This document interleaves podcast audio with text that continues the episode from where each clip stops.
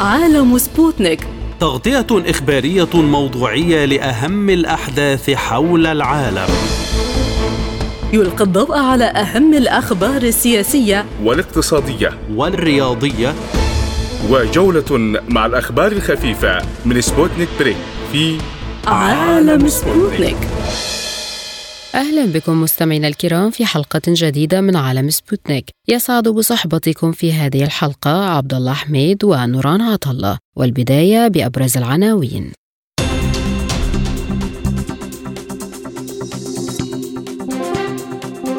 أنقرة تحذر من احتمال شن عملية برية تركية بسوريا في أي وقت وعبد اللهيان يقول إن إيران تدخلت لمنع تركيا من الهجوم على شمال سوريا. مظاهرات تطالب الرئيس التونسي بالرحيل مع تردي الوضع الاقتصادي وسعيد يصفهم بالخونة.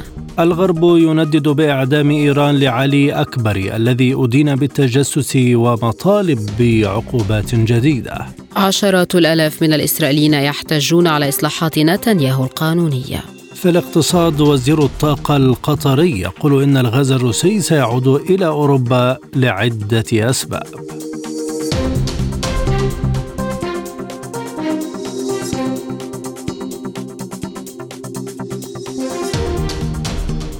أكد المستشار القريب من رئاسة تركيا إبراهيم قالن أن شن عملية عسكرية برية في سوريا ممكن في أي وقت. وقال قالن إن تركيا تواصل دعم العملية السياسية التي بدأت نهاية ديسمبر مع لقاء وزيري الدفاع التركي والسوري في موسكو. لكن شن عملية برية يبقى ممكنا في أي وقت بناء على مستوى التهديدات الواردة. في الوقت نفسه. قال وزير الخارجية الإيراني حسين أمير عبد اللهيان إن طهران تدخلت لمنع تركيا من الهجوم على شمال سوريا. وقال عبد اللهيان خلال مؤتمر صحفي مشترك مع نظيره السوري فيصل المقداد إن إيران ترحب بأن تحل الجهود الدبلوماسية والحوار محل الحرب. من جانبه قال المقداد إن دمشق تقدر جهود إيران لإصلاح العلاقات بين سوريا وتركيا ولفت إلى أن تواجد القوات التركية على الأراضي السورية ودعم أنقرة للجماعات الإرهابية يعوقان هذه الجهود. وأعرب المقداد عن أمله في أن تكلل الجهود الإيرانية في هذا الصدد بالنجاح في المستقبل. من دمشق ينضم إلينا حول هذا الموضوع العميد علي مقصود الخبير العسكري والاستراتيجي. أهلا بك سيادة العميد. هل بالفعل الهجوم ما زال واردا على شمال سوريا؟ أعتقد أنه في سياق الإجراءات والتدابير المتخذة من معظم اللاعبين خاصة الولايات المتحدة الأمريكية التي في الحقيقة انصعبت وأغضبها التقارب السوري التركي وبشكل خاص لأنه برعاية من قبل روسيا. بتقديري عندما تعلن سوريا تمسكها بموقف أن يبدأ أي تفاهم وتقارب بل الانتقال إلى الخطوة الثانية بعد بعد قمة وزراء دفاع سوريا وتركيا وروسيا أن ننتقل إلى قمة وزراء الخارجية أي إلى العمل السياسي والدبلوماسي الذي يؤطر الجانب الأمني يعني النتائج الأمنية والعسكرية التي خرج بها وزراء الدفاع في الحقيقة يجب أن يكون هناك جدية وهذه الجدية تتجسد بأن تعلن تركيا عن انسحابها كدولة احتلال لأجزاء من الأرض السورية وأيضا أن توقف دعمها لهذا الإرهاب. ولذلك في الحقيقة تركيا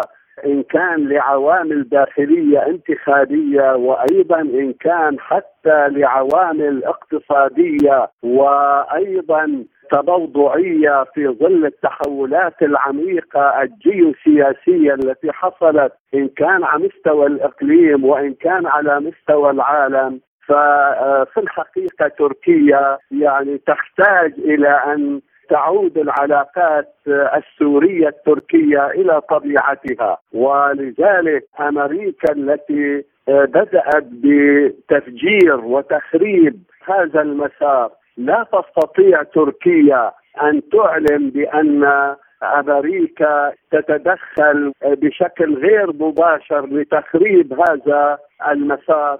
ما الذي أدى إلى التوتر الجديد الذي يظهر في التصريحات الأخيرة من سوريا وأيضا تركيا؟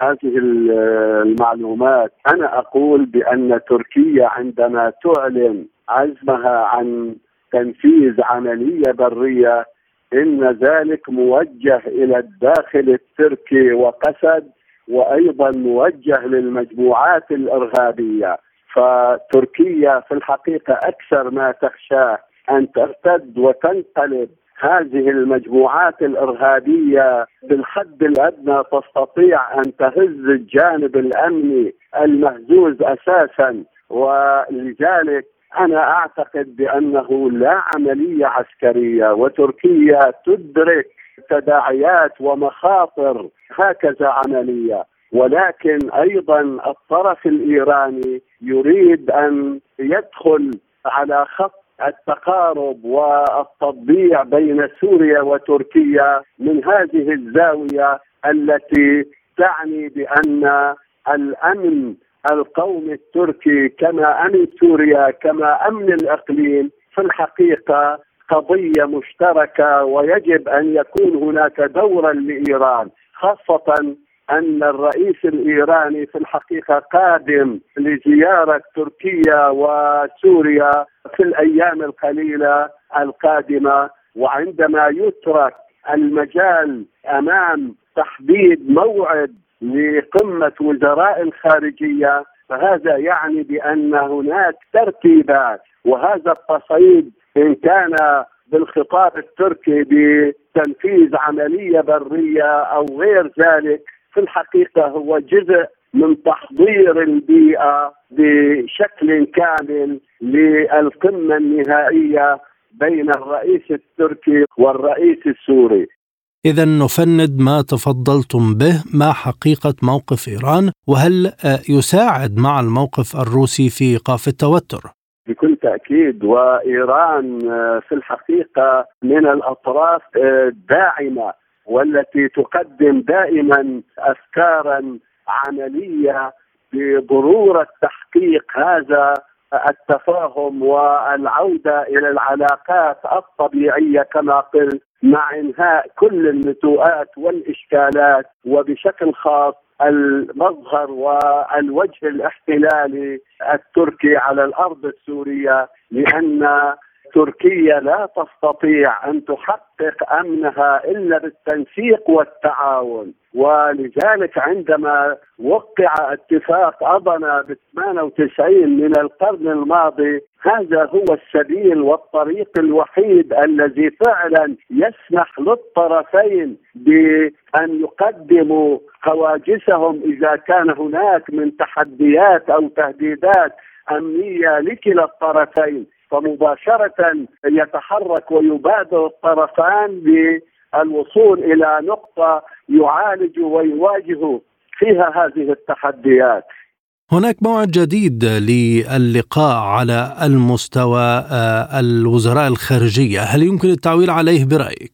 بكل تأكيد هذا اللقاء كما قلت سيترجم التفاهمات والنقاط التي تم التوصل إليها من تفاهم على تحقيق أمن الحدود ونشر القوات السورية على الحدود السورية التركية وبشكل خاص في عين العرب ومنبج حيث تطالب تركيا بأن يكون هناك انسحابا لأي فصيل أو تيار له علاقة ومرتبط بقسد وأن يكون الجيش العربي السوري هو القوة الضامنة والتي تحل محل هذه القوى الانفصالية.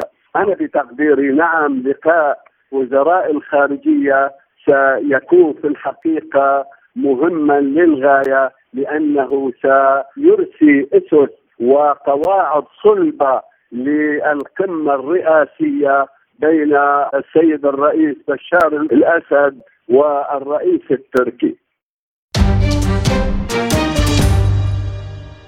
خرج الآلاف من التونسيين إلى الشارع الرئيسي بالعاصمة وذلك للمطالبة برحيل رئيس البلاد قيس سعيد في ذكرى الثورة التي أطاحت بنظام زين العابدين بن علي عام 2011 ورفع المتظاهرون شعارات ضد الرئيس سعيد وسط تواجد أمني كثيف ويطالب المحتجون برحيل سعيد في ظل الأزمة السياسية والاقتصادية التي تعيشها البلاد منذ أن قرر الرئيس احتكار السلطات في الخامس والعشرين من تموز يوليو 2021 تأتي هذه التظاهرات استجابة لدعوات قوى سياسية ومدنية وحقوقية مختلفة تحت شعار إرحل في ذكرى الثورة التونسية. واستبق سعيد المظاهرات بجولة في شارع الحبيب بورقيبة وقال إنه لا مكان للخونة والعملاء في البلاد وأن من يتهم الدولة بالبوليسية هو من يريد تدميرها.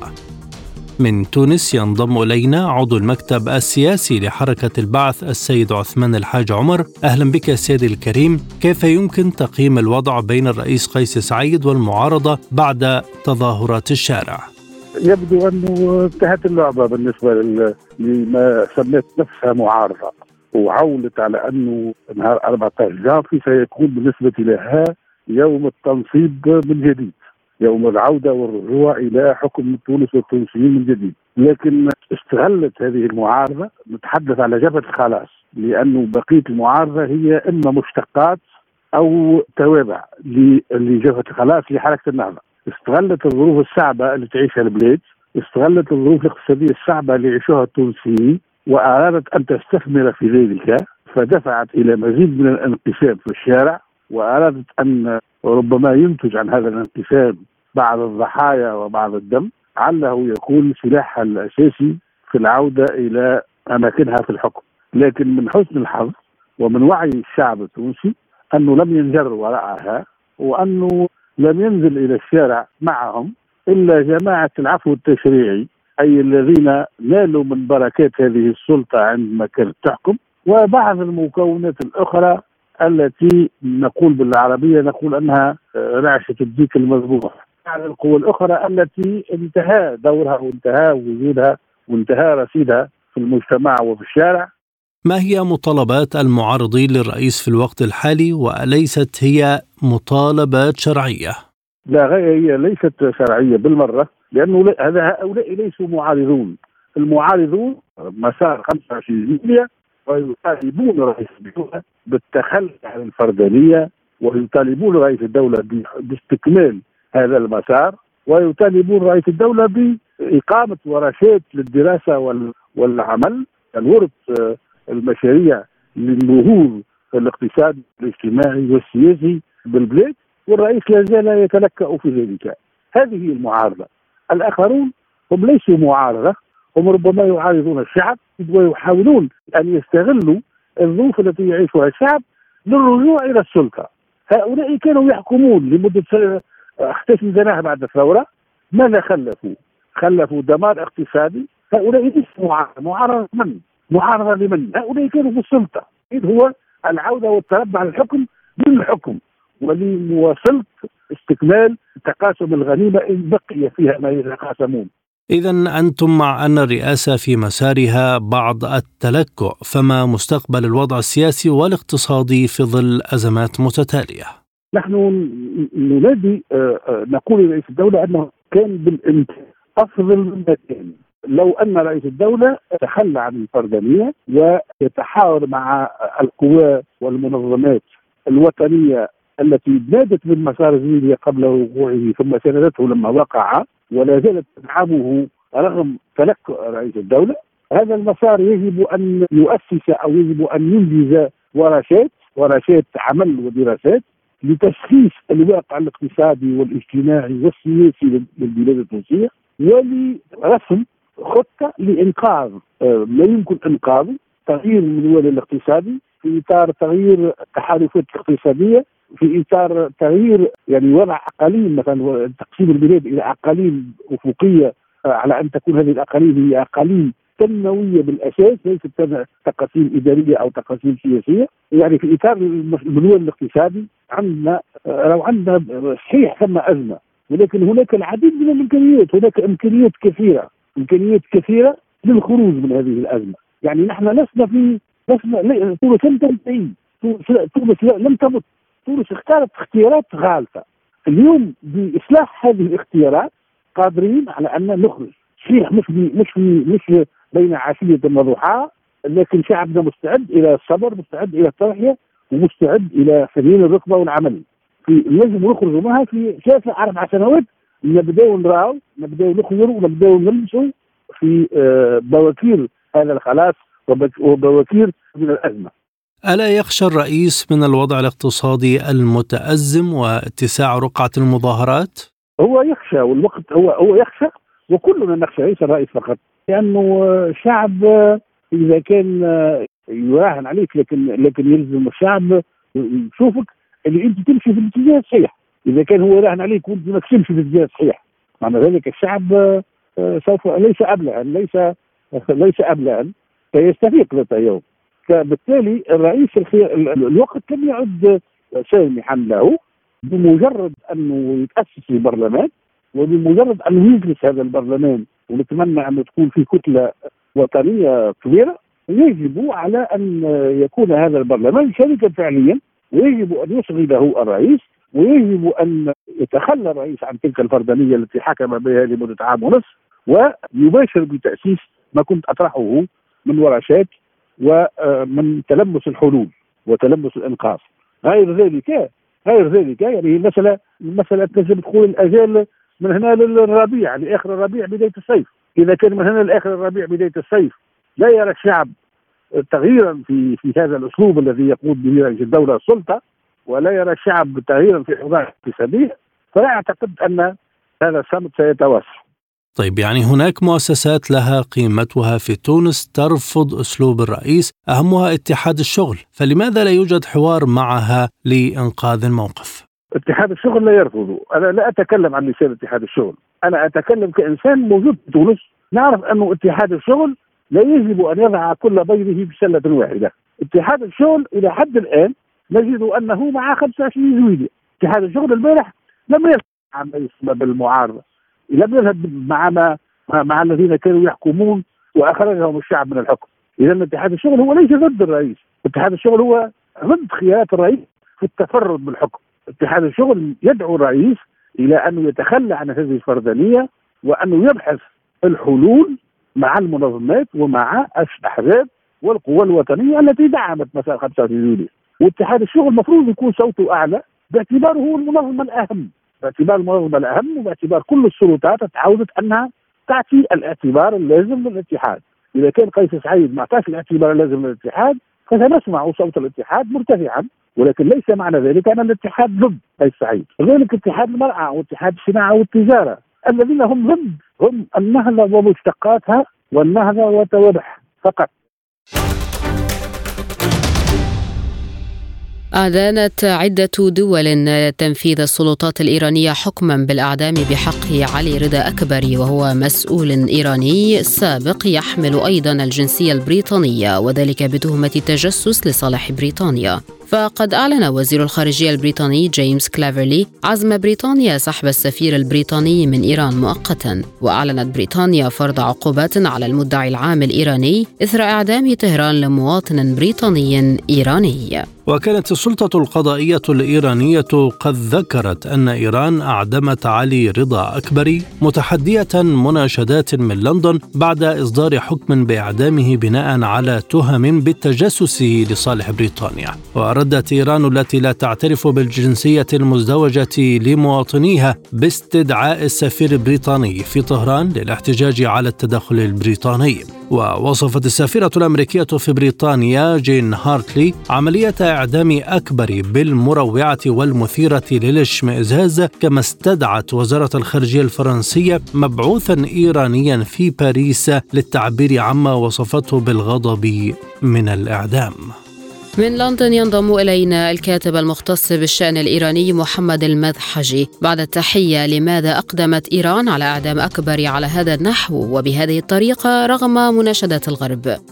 آه، يعني في البداية يجب أن ننتبه إلى أن هناك صراع بين الأجنحة داخل النظام الإيراني وهذا الصراع احتدم بشكل كبير آه، خاصة بعد آه، وفاة الملكة البريطانية وبريطانيا معروفة بتأثيرها على بعض الأجنحة داخل النظام الإيراني بشكل كبير. والآن نرى أن هذه الصراعات تتصاعد بشكل كبير.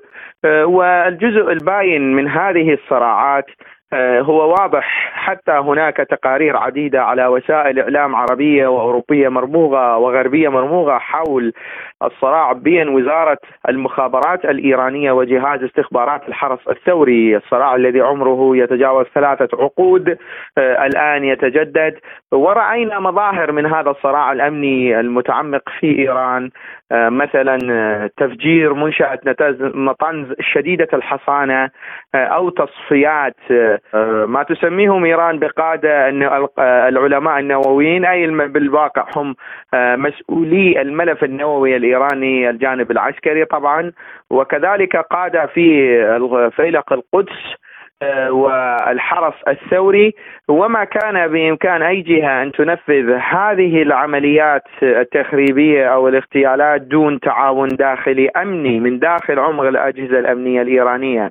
آه، فإعدام هذا الشخص في الواقع يوجه ضربة آه، إلى جسر تواصل أو أحد أهم الشخصيات التي لديها صلات مع الأجهزة الأمنية الغربية وإيران آه، كانت آه، أن تعتمد على هذه الشخصية طبعا آه، ليكون جسرا بينها وبين الأجهزة الأمنية الغربية وليس فقط الجانب الدبلوماسي. هنا نحن نتحدث عن قناة تواصل بين النظام الإيراني والأجهزة الأمنية الغربية مثل ام اي 6 أو سي اي اي أو حتى الجهاز الأمني الفرنسي آه، والجهاز الأمني الألماني.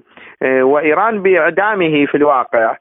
تعرب عن انزعاجها الكبير للضغوط التي تمارسه هذه الدول خلال الاحتجاجات الأخيرة على إيران وتريد من إيران أن تقطع علاقاتها مع مع روسيا بمعنى آه، وقف إيران آه، التعاون مع روسيا آه، في الأزمة الحالية الأوكرانية والعقوبات على روسيا والتي إيران أصبحت جسر تواصل لروسيا باتجاه المياه الحرة ومنطقة الخليج العربي وتستطيع نعم. الآن روسيا أن تصدر بضائعها من خلال إيران وتبيع نفطها على إيران وإيران تستهلك النفط الروسي داخليا وتصدر نفطها إلى الخارج أي بمعنى أن إيران تساعد روسيا على الالتفاف على سقف أسعار الطاقة التي تفرضه القوى الغربية على روسيا.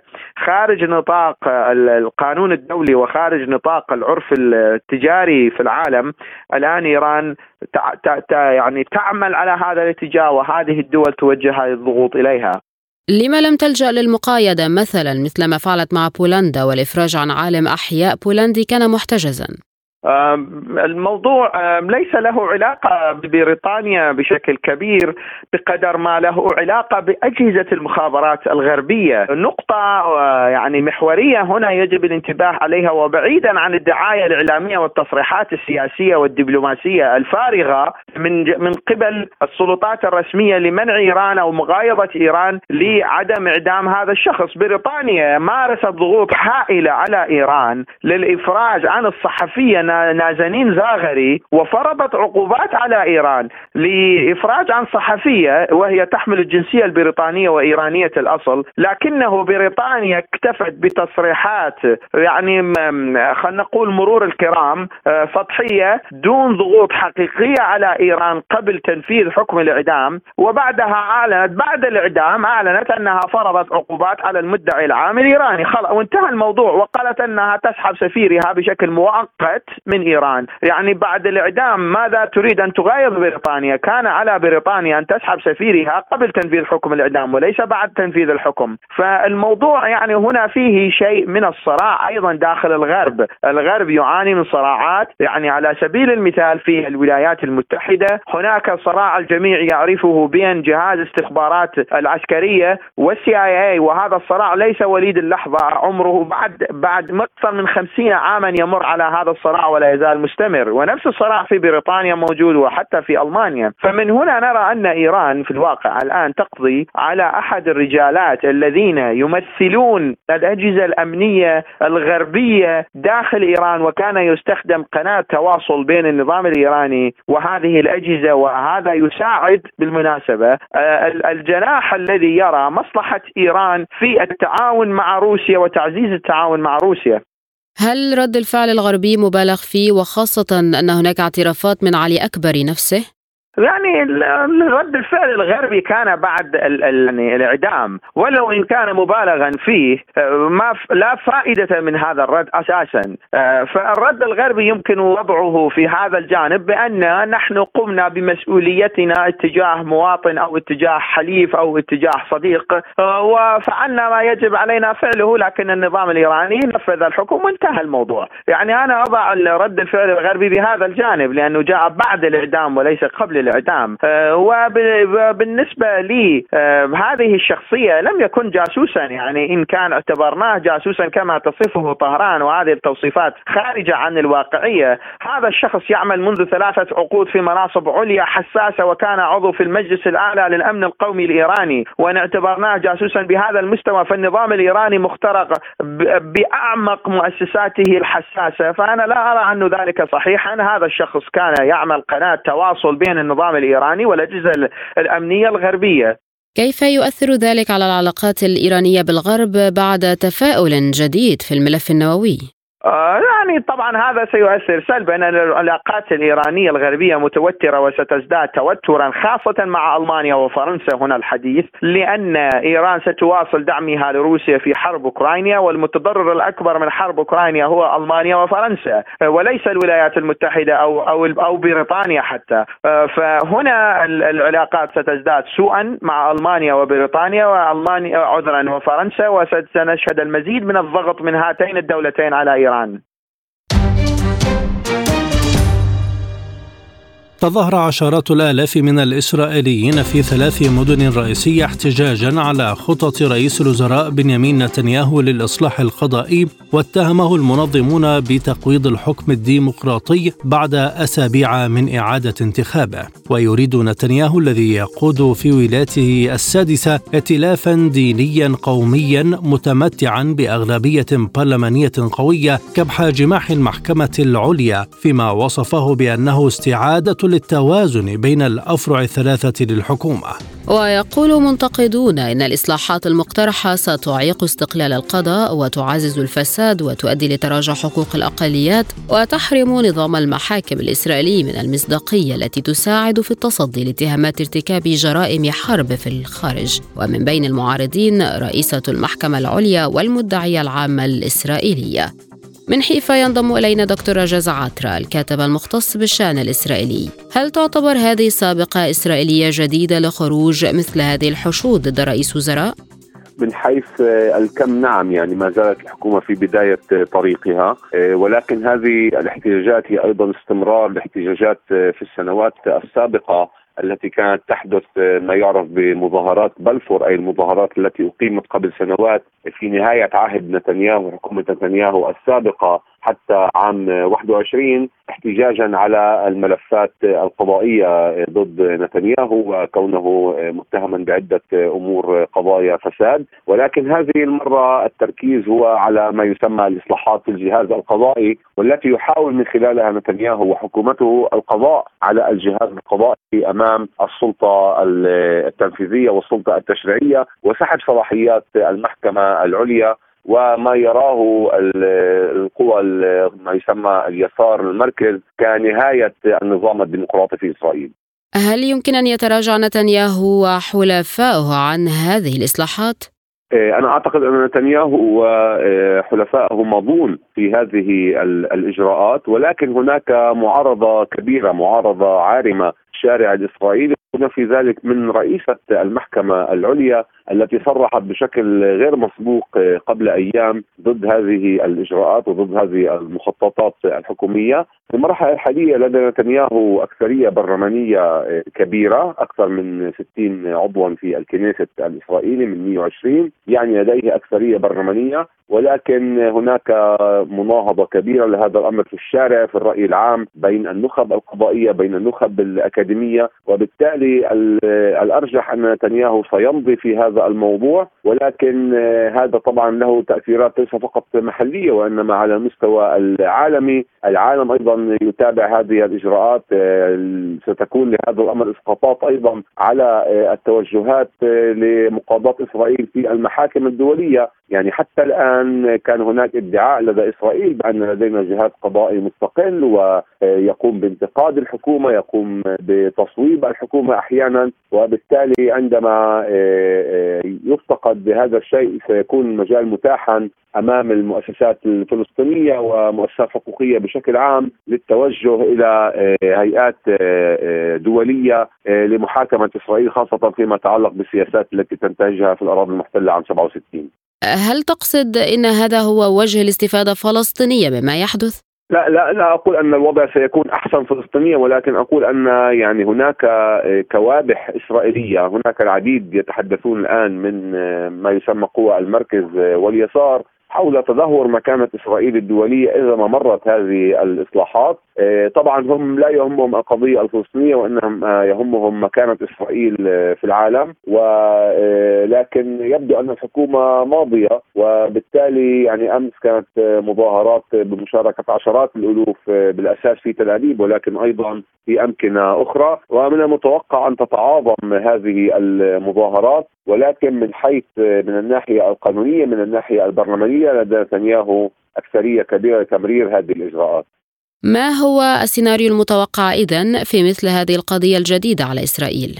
يعني من الصعب التكهن بسيناريوهات نهائية الآن ولكن المتوقع هو استمرار هذا المخاض. هناك من يتحدث عن إمكانية إعلان عن عصيان مدني التوقف عن دفع الضرائب. هناك العديد من البلديات السلطات المحلية مثل بلدية تل أبيب وبلديات أخرى كبيرة ولديها إمكانيات اقتصادية. بأن عمليا تدعو إلى عصيان الحكومة فيما يتعلق بتمرير الميزانيات لليهود المتدينين. هناك مظاهرات في الشارع. أنا أعتقد أن نتنياهو أيضا موجود في أزمة لأن شركائه اليوم الأكثر يعني أصبحت المفارقة أن نتنياهو هو الشخص الأكثر اعتدالا. الحكومة الشخص الأكثر عقلانية في هذه الحكومة المتطرفة. أنا أتوقع أن تمر هذه الإجراءات في الكنيست ولكن بالمقابل أن تتعاظم المظاهرات في الشارع. يعني امس رغم حالة الطقس السيئة وهطول أمطار غزيرة شاركت عشرات الألوف ومن المتوقع الأسبوع القادم أيضا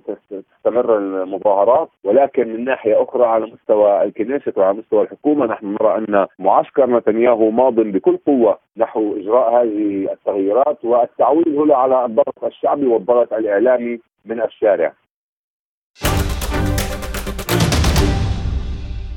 قال سعد بن شريد الكعبي وزير الدولة القطري لشؤون الطاقة خلال مؤتمر الطاقة العالمي في أبو ظبي أن الغاز الروسي سيعود إلى أوروبا عندما يتم حل الموقف الراهن وأشار الكعبي إلى أنه حتى عام 2027 لن تدخل كميات إضافية من الغاز إلى السوق وبالتالي لن تكون السنوات المقبلة سهلة بالنسبة لأوروبا. وصرح الكعبي بأن الغرب لا يتعامل بإنصاف مع مسألة التنقيب عن الغاز في قارة أفريقيا. وقال الوزير إن العالم سيظل في حاجة للغاز الطبيعي لفترة طويلة كما أن هناك حاجة لمزيد من الاستثمارات للحفاظ على أمن الإمدادات والأسعار المقبولة خلال التحول العالمي للطاقة. من بيروت ينضم إلينا دكتور بلال علامة الخبير الاقتصادي. بعد تحية دكتور بلال هل توقعات الوزير القطري صحيحة بشأن عودة أوروبا لاستيراد الغاز الروسي مجددا؟ أولا تحية لكم وللمستمعين الكرام. آه، ثانيا لابد من القول أن كل محاولات أوروبا لاستخدام بدائل للغاز الروسي لم تكن ناجحة. وإن توفرت فهي توفرت بنسبة معينة وهذا شاهدناه من خلال الشح في إمدادات الطاقة لأوروبا إمدادات الغاز ومن ثم في ارتفاع الأسعار بشكل كبير مما أثر على الحالة الاقتصادية في أوروبا كاملة. لذلك أتوقع أن توقعات وزير الطاقة القطري هي في مكانها الصحيح. ولا بد للعودة إلى آه، الاستنجاد أو الاستعانة بالغاز الروسي لإعادة حيوية وديناميكية الاقتصاد الأوروبي لا بديل بالنسبة لأوروبا عن العودة إلى هذا الخيار بعد كل المحاولات التي جرت والتي أثبتت أنها لا يمكن أن تكون بديلا عن الغاز الروسي بالنسبة لأوروبا. هل بالفعل لا يوجد لأوروبا بديل حتى عام 2027؟ أنا أعتقد حتى ولو آه، آه، نظرنا إلى السنوات القادمة فالبديل الذي سيتوفر بالنسبة لأوروبا سيكون عالي التكلفة جدا وسيكون له تبعات وآثار على الاقتصاد الأوروبي الذي لم يعد يتحمل ولم يعد بحاجة إلى مزيد من التكلفة والإنفاق وحالة التضخم التي تجتاح أوروبا بالكامل بكل دولها لذلك فالأفضل والأكثر منطقا أن تعود إلى استعمال الغاز الروسي بعد تسوية الأمور آه، ومعالجة كل التبعات التي نشأت عن الحرب الأوكرانية الروسية. روسيا آه، دولة لديها موارد كبيرة وقد قلناها سابقا وعبر آه، محطتكم الكريمة أن كل محاولات تطويقها لم تنجح وربما مع الوقت يتبين أن الواقع الروسي نجح في الخروج من كل محاولات التطويق وال الحصار والعقوبات. بنفس الوقت على أوروبا أن تقتنع أنها كل ما فعلته ليس ناجحا بالنسبة للواقع الأوروبي ولذلك العودة إلى تسوية الأوضاع واللجوء إلى الغاز الروسي هو الحل المنطقي بالنسبة لأوروبا. كونه يعيد كل النقص الذي آه، آه، رزخت تحته أوروبا من جهة ومن جهة ثانية يعيد تنشيط الواقع الاقتصادي ومن ثم تبعاته على الواقع الاجتماعي لدول أوروبا جميعها. ماذا تفعل أوروبا حاليا وهل الحلول الحالية مؤقتة؟ أعتقد أن كل الحلول التي آه، طرحت حتى الآن أو نفذت حتى الآن هي حلول مؤقتة تبين أنها ليست الحل الناجح لذلك العودة إلى الفكرة التي التي أطلقها وزير الطاقة القطري بأن آه، أوروبا ستعود إلى الاتفاق على استعمال الغاز أو استخدام الغاز الروسي هو الحل المنطقي كونه هو الذي يعيد الإمدادات الغازية هي التي تعيد إلى أوروبا ديناميكيتها واستقرارها. ليست العملية فقط تتعلق بالحالة آه، أو حاجة أوروبا من الطاقة علينا أن ننظر إلى التبعات التي ترتبت على عدم وصول الغاز الروسي إلى أوروبا. من ناحية الاضطرابات التي تحصل داخليا والحكومات الأوروبية التي تتخبط في آه، أتون التضخم والعجز عن تلبية الاحتياجات. لذلك الحل المنطقي هو العودة إلى تسوية الأوضاع واستخدام الغاز الروسي من جديد. كونه هو الحل المنطقي والمعقول الذي من الممكن أن يعيد الاستقرار إلى الدول الأوروبية ويعيد الانتظام إلى حياة المجتمعات الأوروبية. متى يمكن أن تنتهي الأزمة الأوكرانية برأيك وهل قصة الطاقة سيكون لها تأثير إيجابي؟ أنا أعتقد أنه بدأت بوادر التسوية آه، تحصل بحيث أنه آه، آه، بدأنا نشعر أن هناك توجه للبدء بالمفاوضات لتسوية الأزمة الروسية الأوكرانية بما يرضي روسيا والمنطقة في في في محيط روسيا وبالتالي عندما ندخل في عملية المفاوضات والتسوية تبدأ المفاوضات على الطاقة وعلى عودة الإمدادات وستنتهي الأمور بشكل أن أن يكون عنصر الطاقة عنصرا مساعدا لإنهاء الحرب الروسية الأوكرانية والأزمة التي نشأت نتيجة الحالة آه، في المنطقة وفي المنطقة المحيطة بروسيا.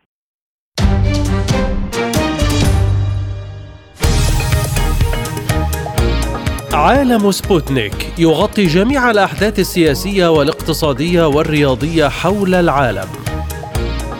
على مدار ساعة تتابعون عالم سبوتنيك مع أهم خبراء التحليل السياسي والاقتصادي. نقترب معكم في متابعة دقيقة من القضايا السياسية والاقتصادية، كما نستعرض أهم الأخبار الرياضية والفنية والبيئية.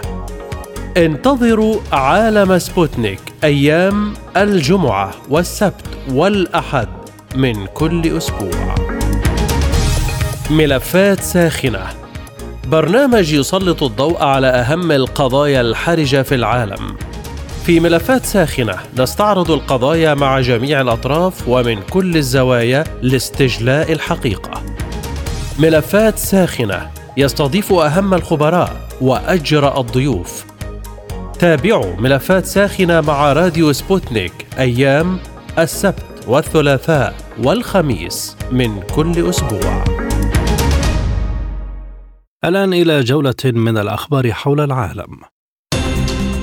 أفادت بعثة جمهورية دونيتسك في مركز تسجيل جرائم الحرب من جانب أوكرانيا بأن القوات الأوكرانية قصفت مدينة غوروفكا وأطلقت عليها أربع قذائف من عيار 155 ملي يستخدمها حلف الناتو. كانت القوات المسلحة الأوكرانية قصفت نفس المنطقة مستخدمة نفس نوع قبل ساعات من القصف الجديد يشار إلى أن دول الناتو تستخدم قذائف مدفعية من عيار 155 ملي ويتم توريدها في الوقت الراهن إلى قوات كييف والمرتزقة في أوكرانيا وتقع مدينة غورلوفكا على بعد 50 كيلومترا شمالية دونيتسك وهي تحت سيطرة جمهورية دونيتسك الشعبية منذ عام 2014 قالت ممثلية جمهورية لوغانسك في مركز تسجيل جرائم الحرب من جانب أوكرانيا إن القصف الأوكراني خلال ال 24 ساعة الأخيرة تسبب بمقتل اثنين من المدنيين. ووفقا لبيان الممثلية قصفت القوات الأوكرانية المركز السكني نوفوبسكوف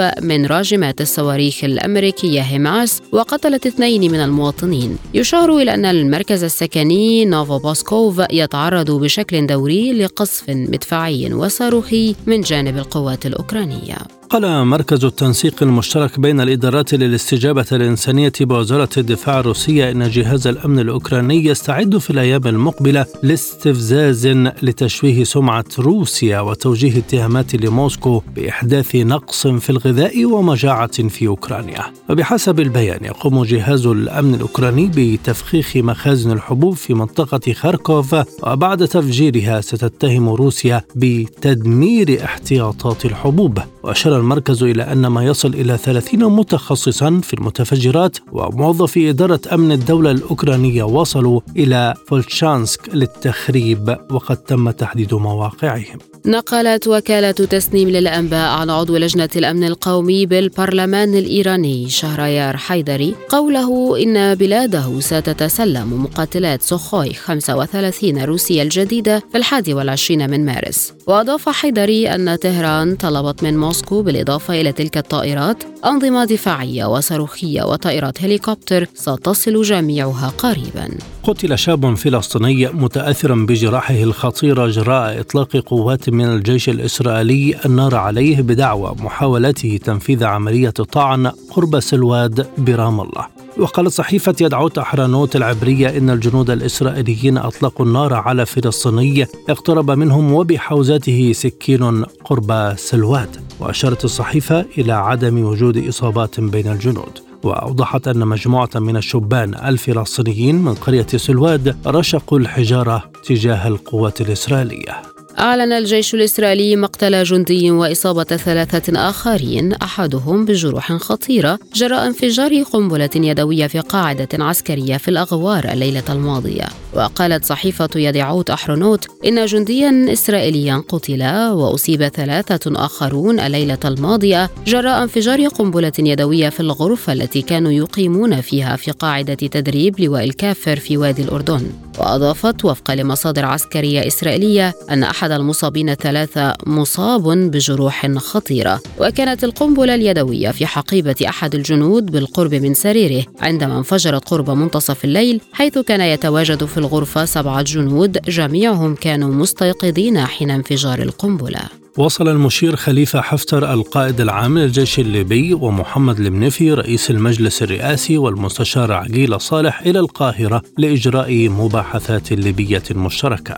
وأفاد مصدر الليبي بأن حفتر والمنفي وصالح سيبحثون في القاهرة ملفات سياسية وعسكرية. كما أشار المصدر إلى أن القاهرة تقود جهودا مكثفة لتقريب وجهات النظر والدفع نحو إجراء الانتخابات. وتسعى القاهرة لإحداث توافق بين كافة الأطراف الليبية بهدف إنهاء المرحلة الانتقالية ووضع قاعدة دستورية يتم من خلالها إجراء الانتخابات الرئاسية بما يعبر عن كافة أطياف وفئات الشعب الليبي. قررت الحكومة البيروفية إعلان حالة الطوارئ في العاصمة ليما وسط استمرار التظاهرات المطالبة باستقالة رئيسة البلاد وأودت بحياة 42 شخصا على الأقل منذ أوائل ديسمبر. ويجيز هذا الإجراء الساري لثلاثين يوما للجيش التدخل للحفاظ على النظام. وقد اعتذرت الرئيسة دينا بولوراتي في كلمة وجهتها إلى الأمة عن سقوط عشرات الضحايا في احتجاجات في أنحاء البلاد في الأسابيع الأخيرة.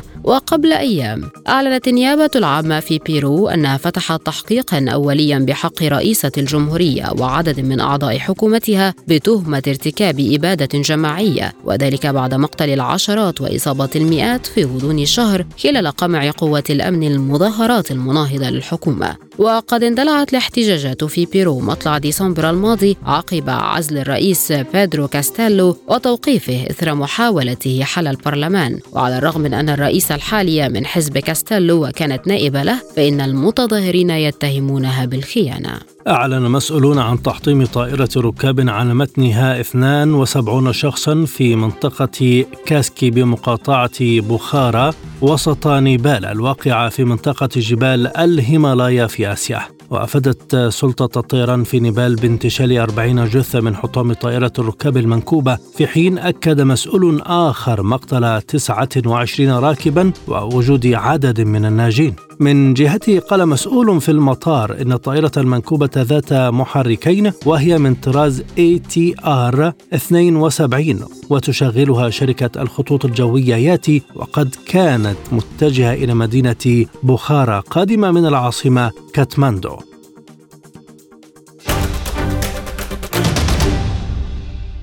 والآن مستمعين إليكم تذكرة بأهم العناوين.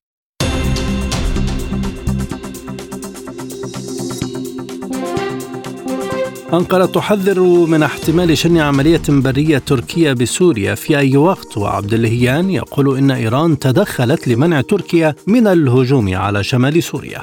مظاهرات تطالب الرئيس التونسي بالرحيل مع تردي الوضع الاقتصادي والسعيد يصفهم بالخونة. الغرب يندد بإعدام إيران لعلي أكبر الذي أدين بالتجسس ومطالب بعقوبات جديدة. عشرات الآلاف من الإسرائيليين يحتجون على إصلاحات نتنياهو القانونية وزير الطاقة القطري يقول إن الغاز الروسي سيعود إلى أوروبا لعدة أسباب.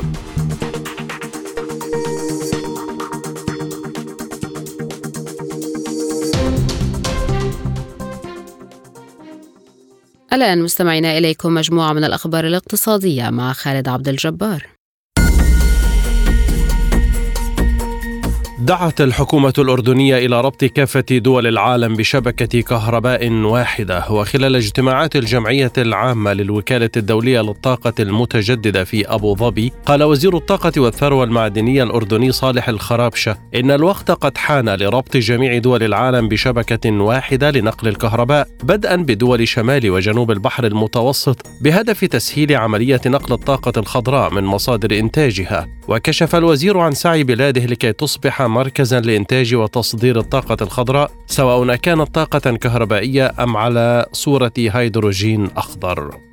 أعلنت الوكالة الأمريكية للتنمية الدولية أنها ستقدم تمويلا جديدا قيمته نحو 88 مليون دولار لتلبية الاحتياجات الإنسانية في اليمن ومواجهة أزمة انعدام الأمن الغذائي المتفاقمة في البلاد خلال عام 2023 وأوضحت أن النصيب الأكبر البالغ 47 مليون دولار فاصل 7 من عشرة سيخصص لجوانب تشمل المساعدات الغذائية والصحة والمياه في 16 محافظة عبر شركاء من المنظمات غير الحكومية العاملة بمجال الإغاثة في اليمن.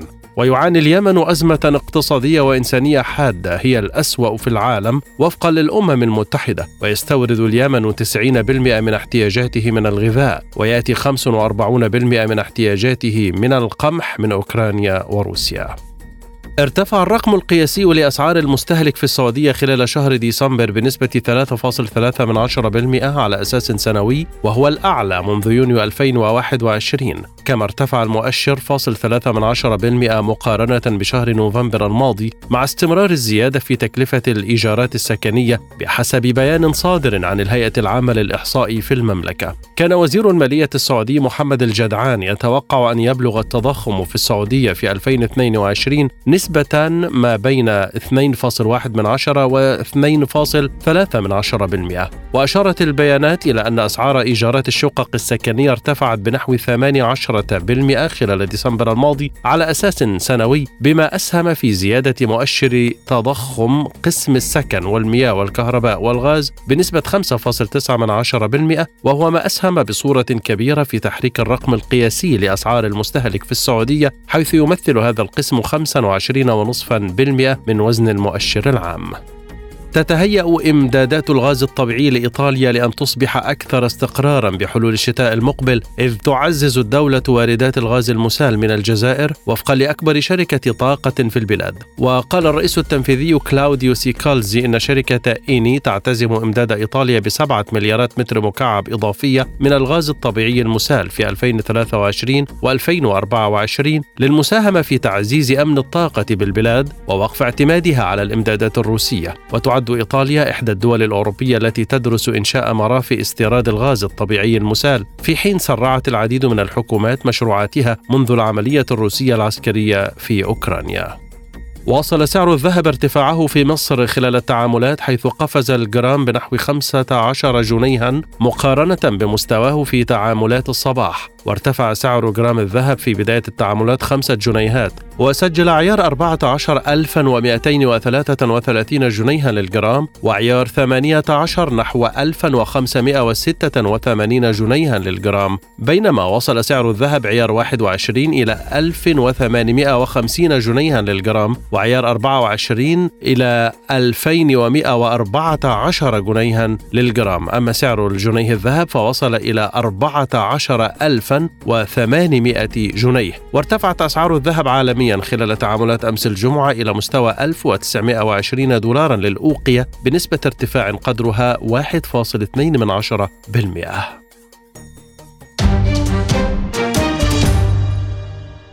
عودة لزميل خالد عبد الجبار ومعه أخبار الرياضة.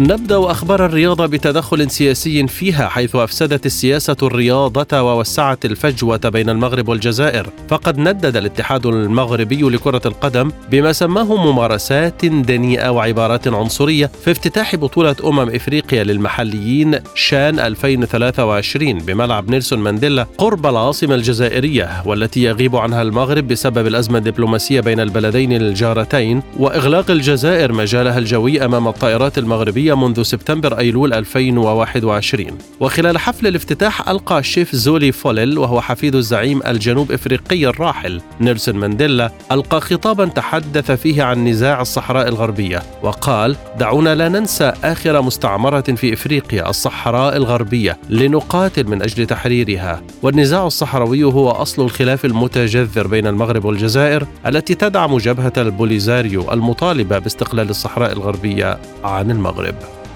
أحرز المتألق ماركوس راشفورد هدفا قرب النهاية ليقلب مانشستر يونايتد تأخره إلى فوز 2-1 على غريمه مانشستر سيتي ويقلص الفارق معه إلى نقطة واحدة في ترتيب الدوري الإنجليزي الممتاز لكرة القدم. وتحسن سيتي كثيرا بعد الاستراحة وآتت الضغوط ثمارها عندما منحه البديل جاك جريليش التقدم بضربة رأس في الدقيقة الحادية والستين. وجاء هدف التعادل في الدقيقة الثامنة والسبعين بشكل مثير للجدل حيث تداخل راشفورد الذي كان في موقف تسلل لكن الكرة وصلت إلى برونو فرنانديز الذي أحرز الهدف وألغى الحكم المساعد الهدف غير أن حكم الفيديو أكد صحته. وعاد راشفورد ليهز الشباك ليخطف الفوز ليونايتد الذي عزز سجله إلى تسعة انتصارات متتالية بجميع المسابقات ويقلص الفارق مع سيتي ثاني الترتيب. أحرز الجناح سولي مارش هدفين مبكرين في الشوط الثاني وصنع هدفا آخر ليمنح برايتون الفوز 3-0 على ضيفه المتواضع ليفربول ويتقدم فوقه إلى المركز السابع في ترتيب الدوري الإنجليزي الممتاز لكرة القدم اليوم. وتقدم برايتون إلى المركز السابع وله 30 نقطة بفارق نقطتين أمام ليفربول الذي استمرت معاناته مع الإصابات وتراجع مستواه. أمر وزير الداخلية الإيطالي ماتيو بيناتيدوزي بمنع جماهير روما ونابولي من حضور مباريات خارج ملعبيهما بعد اشتباكات بينهما يوم الأحد الماضي أجبرت السلطات على إغلاق الطريق السريع الرئيسي بالبلاد مؤقتا. وذكرت وزارة الداخلية في بيان أن القرار يتضمن إغلاق المدرجات الخاصة بمشجعي نابولي وروما في المباريات خارج الأرض بسبب خطورة أحداث العنف التي وقعت والخطر الملموس من إمكانية تكرار هذه التصرفات. ويوجد تاريخ طويل من العداء بين مشجعي الفريقين واشتبك الجانبان داخل وحول منطقة خدمات بالطريق السريع في توسكاني وهو طريق محوري يربط بين الشمال وجنوب إيطاليا.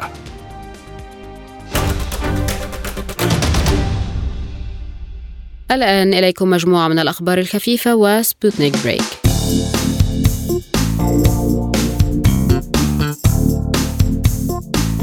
كشفت البعثة المصرية الإنجليزية المشتركة مقبرة ملكية وذلك أثناء عمليات حفر بالوادي رقم C بمنطقة الوديان الغربية بالبر الغربي بالأقصر في مصر. صرح بذلك مصطفى وزيري الأمين العام للمجلس الأعلى للآثار في مصر مشيرا إلى أهمية هذا الكشف حيث أن الدلائل الأولية التي تم الكشف عنها داخل المقبرة حتى الآن تشير إلى أنها ربما تعود لفترة حكم التحامسة وهو ما سوف يتم التأكد منه خلال الفترة القادمة. لحين الانتهاء من أعمال التوثيق الأثري للمقبرة.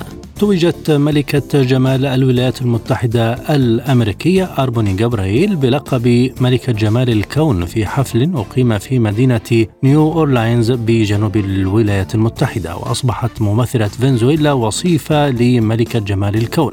كانت جابرييل وهي فلبينية الأصل صعدت إلى المسرح في عرض أزياء ملكة جمال الكون 2023 هذا الأسبوع وهي ترتدي زي القمر احتفالا بذكرى أول هبوط لرواد الفضاء الأمريكيين على سطح القمر عام 1969 كشفت وكالة الفضاء الأمريكية ناسا عن خطة جديدة لبناء خليفة لتلسكوب جيمس ويب الفضائي. ستكون مهمته الرئيسية البحث عن عوالم صالحة للسكن في الفضاء. وقالت ناسا في أحدث اجتماع للجمعية الفلكية الأمريكية الأسبوع الماضي إن خطة تطوير التلسكوب القادم تقوم على هدف جعله مناسبا للبحث على علامات الحياة على الكواكب الخارجية الصالحة للسكن في الفضاء الخارجي.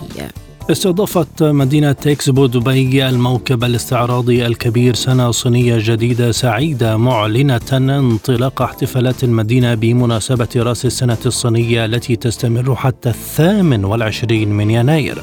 يعد هذا الكوكب احتفالا بعيد رأس السنة الصينية خارج الصين ويتوقع أن يستقطب هذا العام رقما قياسيا.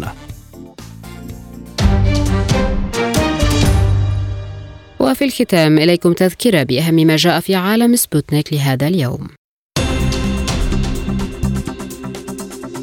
أنقرة تحذر من احتمال شن عملية برية تركية بسوريا في أي وقت. وعبد اللهيان يقول إن إيران تدخلت لمنع تركيا من الهجوم على شمال سوريا. مظاهرات تطالب الرئيس التونسي بالرحيل مع تردي الوضع الاقتصادي وسعيد يصفهم بالخونة. الغرب يندد بإعدام إيران لعلي أكبري الذي أدين بالتجسس ومطالب عقوبات جديدة. عشرات آلاف من الإسرائيليين يحتجون على إصلاحات نتنياهو القانونية. اقتصاديا وزير الطاقة القطري يقول إن الغاز الروسي سيعود إلى أوروبا لعدة أسباب. رياضيا المغرب تندد بحفل افتتاح بطولة كأس أمم أفريقيا للمحليين لكرة القدم في الجزائر وتطالب الاتحاد الأفريقي لكرة القدم بالتدخل. للمزيد زوروا موقعنا سبوتنيك dot ae.